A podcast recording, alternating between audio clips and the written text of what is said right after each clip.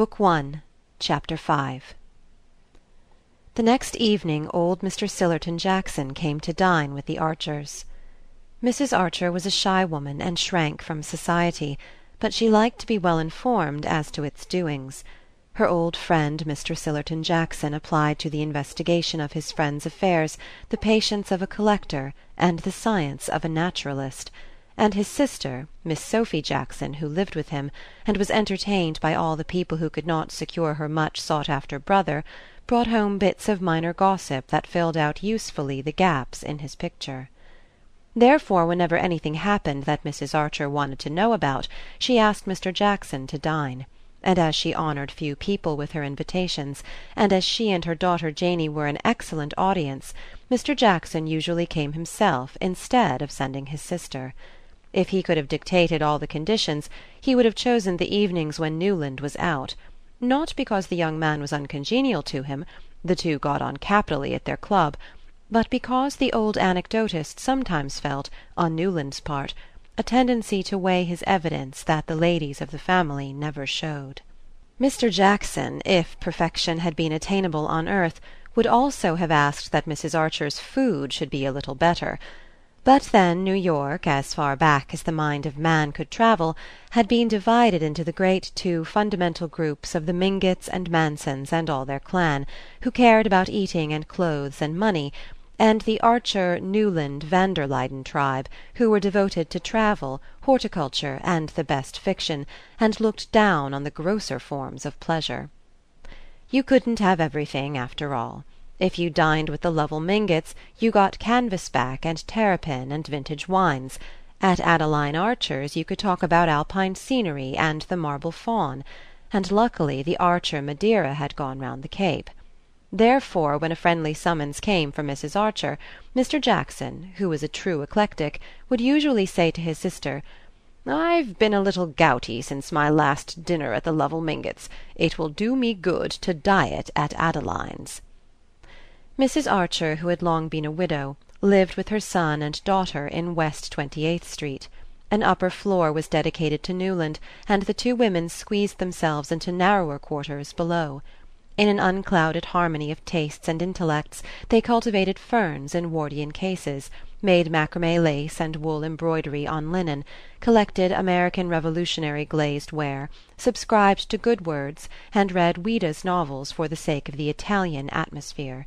They preferred those about peasant life, because of the descriptions of scenery and the pleasanter sentiments, though in general they liked novels about people in society, whose motives and habits were more comprehensible, spoke severely of Dickens, who had never drawn a gentleman, and considered Thackeray less at home in the great world than Bulwer, who however was beginning to be thought old fashioned. Mrs. and Miss Archer were both great lovers of scenery. It was what they principally sought and admired on their occasional travels abroad, considering architecture and painting as subjects for men, and chiefly for learned persons who read Ruskin. Mrs. Archer had been born a Newland, and mother and daughter, who were as like as sisters, were both, as people said, true Newlands tall, pale, and slightly round shouldered, with long noses, sweet smiles, and a kind of drooping distinction, like that in certain faded Reynolds portraits. Their physical resemblance would have been complete if an elderly embonpoint had not stretched Mrs. Archer's black brocade, while Miss Archer's brown and purple poplins hung, as the years went on, more and more slackly on her virgin frame. Mentally the likeness between them, as Newland was aware, was less complete than their identical mannerisms often made it appear. The long habit of living together in mutually dependent intimacy had given them the same vocabulary, and the same habit of beginning their phrases "Mother thinks" or "Janey thinks," according as one or the other wished to advance an opinion of her own; but in reality, while Mrs. Archer's serene unimaginativeness rested easily in the accepted and familiar, Janey was subject to starts and aberrations of fancy welling up from springs of suppressed romance. Mother and daughter adored each other, and revered their son and brother, and Archer loved them with a tenderness made compunctious and uncritical by the sense of their exaggerated admiration, and by his secret satisfaction in it. After all, he thought it a good thing for a man to have his authority respected in his own house, even if his sense of humour sometimes made him question the force of his mandate. On this occasion the young man was very sure that Mr. Jackson would rather have had him dine out, but he had his own reasons for not doing so. Of course old Jackson wanted to talk about Ellen Olenska, and of course Mrs. Archer and Janey wanted to hear what he had to tell. All three would be slightly embarrassed by Newland's presence, now that his prospective relation to the Mingott clan had been made known, and the young man waited with an amused curiosity to see how they would turn the difficulty. They began, obliquely, by talking about Mrs. Lemuel Struthers. "It's a pity the Beauforts asked her," Mrs. Archer said gently. But then Regina always does what he tells her, and Beaufort mm, "Certain nuances escape Beaufort," said Mr. Jackson, cautiously inspecting the broiled shad, and wondering for the thousandth time why Mrs. Archer's cook always burnt the roe to a cinder. Newland, who had long shared his wonder, could always detect it in the older man's expression of melancholy disapproval. "Oh, necessarily. Beaufort is a vulgar man." said Mrs. Archer. "My grandfather Newland always used to say to my mother, 'Whatever you do, don't let that fellow Beaufort be introduced to the girls.' But at least he's had the advantage of associating with gentlemen in England too, they say. It's all very mysterious." She glanced at Janey and paused. She and Janey knew every fold of the Beaufort mystery, but in public Mrs. Archer continued to assume that the subject was not one for the unmarried. But this Mrs. Struthers," Mrs. Archer continued, "what did you say SHE was, Sillerton?" "Out of a mine, or rather out of the saloon at the head of the pit. Then with living waxworks, touring New England. After the police broke that up, they say she lived Mr. Jackson in his turn glanced at Janey, whose eyes began to bulge from under her prominent lids. There were still hiatuses for her in Mrs. Struthers's past. "Then," Mr. Jackson continued, and Archer saw he was wondering why no one had told the butler never to slice cucumbers with a steel knife, "then Lemuel Struthers came along. They say his advertiser used the girl's head for the shoe polish posters; her hair's intensely black, you know, the Egyptian style. Anyhow he eventually married her." There were volumes of innuendo in the way the "eventually" was spaced, and each syllable given its due stress. "Oh well, at the pass we've come to nowadays it doesn't matter," said Mrs. Archer indifferently. The ladies were not really interested in Mrs. Struthers just then; the subject of Ellen Olenska was too fresh and too absorbing to them. Indeed Mrs. Struthers's name had been introduced by Mrs. Archer only that she might presently be able to say. And Newland's new cousin, Countess Olenska was she at the ball too?" There was a faint touch of sarcasm in the reference to her son, and Archer knew it and had expected it. Even Mrs. Archer, who was seldom unduly pleased with human events, had been altogether glad of her son's engagement. Especially after that silly business with Mrs. Rushworth as she had remarked to Janey, alluding to what had once seemed to Newland a tragedy of which his soul would always bear the scar. There was no better match in New York than May Welland, look at the question from whatever point you chose. Of course such a marriage was only what Newland was entitled to; but young men are so foolish and incalculable, and some women so ensnaring and unscrupulous, that it was nothing short of a miracle to see one's only son safe past the Siren Isle and in the haven of a blameless domesticity.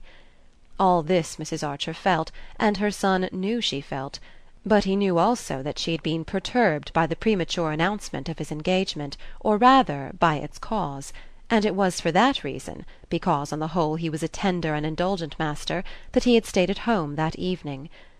"It's not that I don't approve of the Mingotts' esprit de corps, but why Newland's engagement should be mixed up with that Olenska woman's comings and goings I don't see," Mrs. Archer grumbled to Janey, the only witness of her slight lapses from perfect sweetness.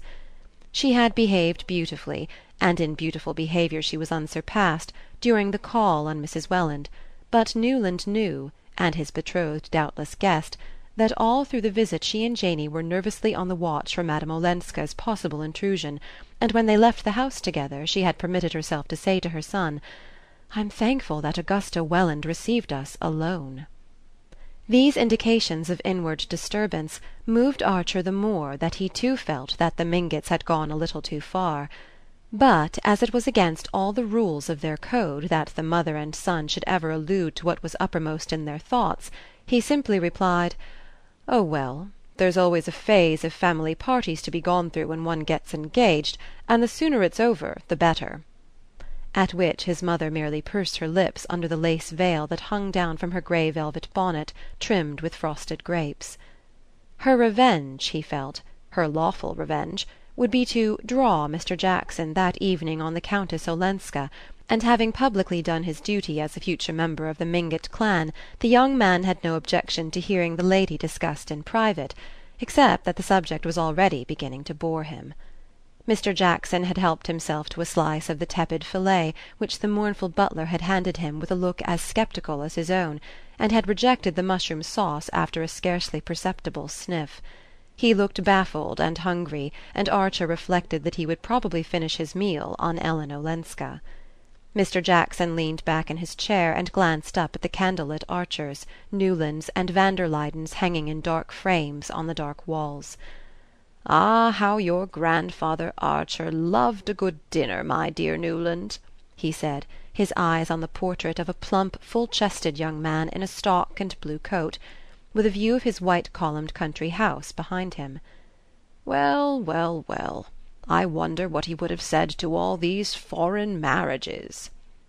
Mrs. Archer ignored the allusion to the ancestral cuisine, and Mr. Jackson continued with deliberation: "No, she was not at the ball." "Ah," Mrs. Archer murmured, in a tone that implied: "She had that decency." "Perhaps the Beauforts don't know her?" Janey suggested, with her artless malice. Mr. Jackson gave a faint sip, as if he had been tasting invisible Madeira. "Mrs. Beaufort may not, but Beaufort certainly does, for she was seen walking up Fifth Avenue this afternoon with him by the whole of New York." "Mercy!" moaned Mrs. Archer, evidently perceiving the uselessness of trying to ascribe the actions of foreigners to a sense of delicacy. "I wonder if she wears a round hat or a bonnet in the afternoon," Janey speculated. "At the opera I know she had on dark blue velvet, perfectly plain and flat, like a nightgown." "Janey!" said her mother; and Miss Archer blushed and tried to look audacious. "It was at any rate in better taste not to go to the ball," Mrs. Archer continued. A spirit of perversity moved her son to rejoin: "I don't think it was a question of taste with her. May said she meant to go, and then decided that the dress in question wasn't smart enough." Mrs. Archer smiled at this confirmation of her inference.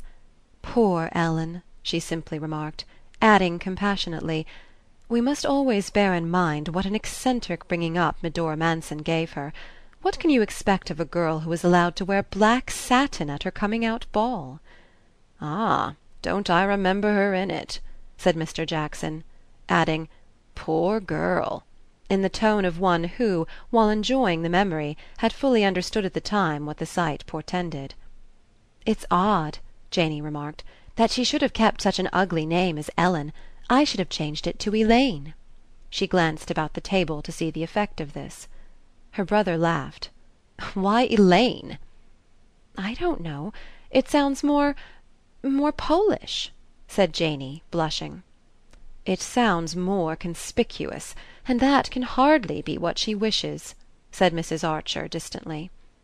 "Why not?" broke in her son, growing suddenly argumentative. "Why shouldn't she be conspicuous if she chooses? Why should she slink about as if it were she who had disgraced herself? She's poor Ellen, certainly, because she had the bad luck to make a wretched marriage; but I don't see that that's a reason for hiding her head as if she were the culprit."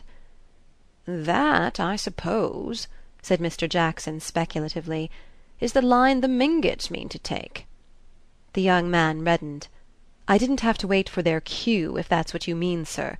Madame Olenska has had an unhappy life. That doesn't make her an outcast." "There are rumours began Mr. Jackson, glancing at Janey. "Oh, I know the secretary." The young man took him up. "Nonsense, mother, Janey's grown up. They say, don't they," he went on that the secretary helped her to get away from her brute of a husband, who kept her practically a prisoner. Well, what if he did? I hope there isn't a man among us who wouldn't have done the same in such a case." Mr. Jackson glanced over his shoulder to say to the sad butler, uh, "Perhaps uh, that sauce uh, just a little, after all." Then, having helped himself, he remarked: "I'm told she's looking for a house. She means to live here."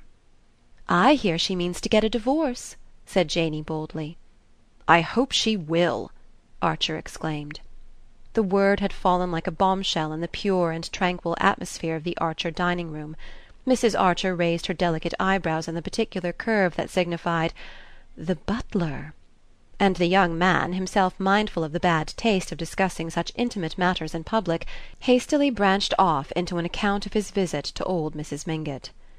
After dinner, according to immemorial custom, Mrs. Archer and Janey trailed their long silk draperies up to the drawing room, where, while the gentlemen smoked below stairs, they sat beside a Carcel lamp with an engraved globe facing each other across a rosewood work-table with a green silk bag under it, and stitched at the two ends of a tapestry band of field-flowers, destined to adorn an occasional chair in the drawing-room of young Mrs. Newland Archer.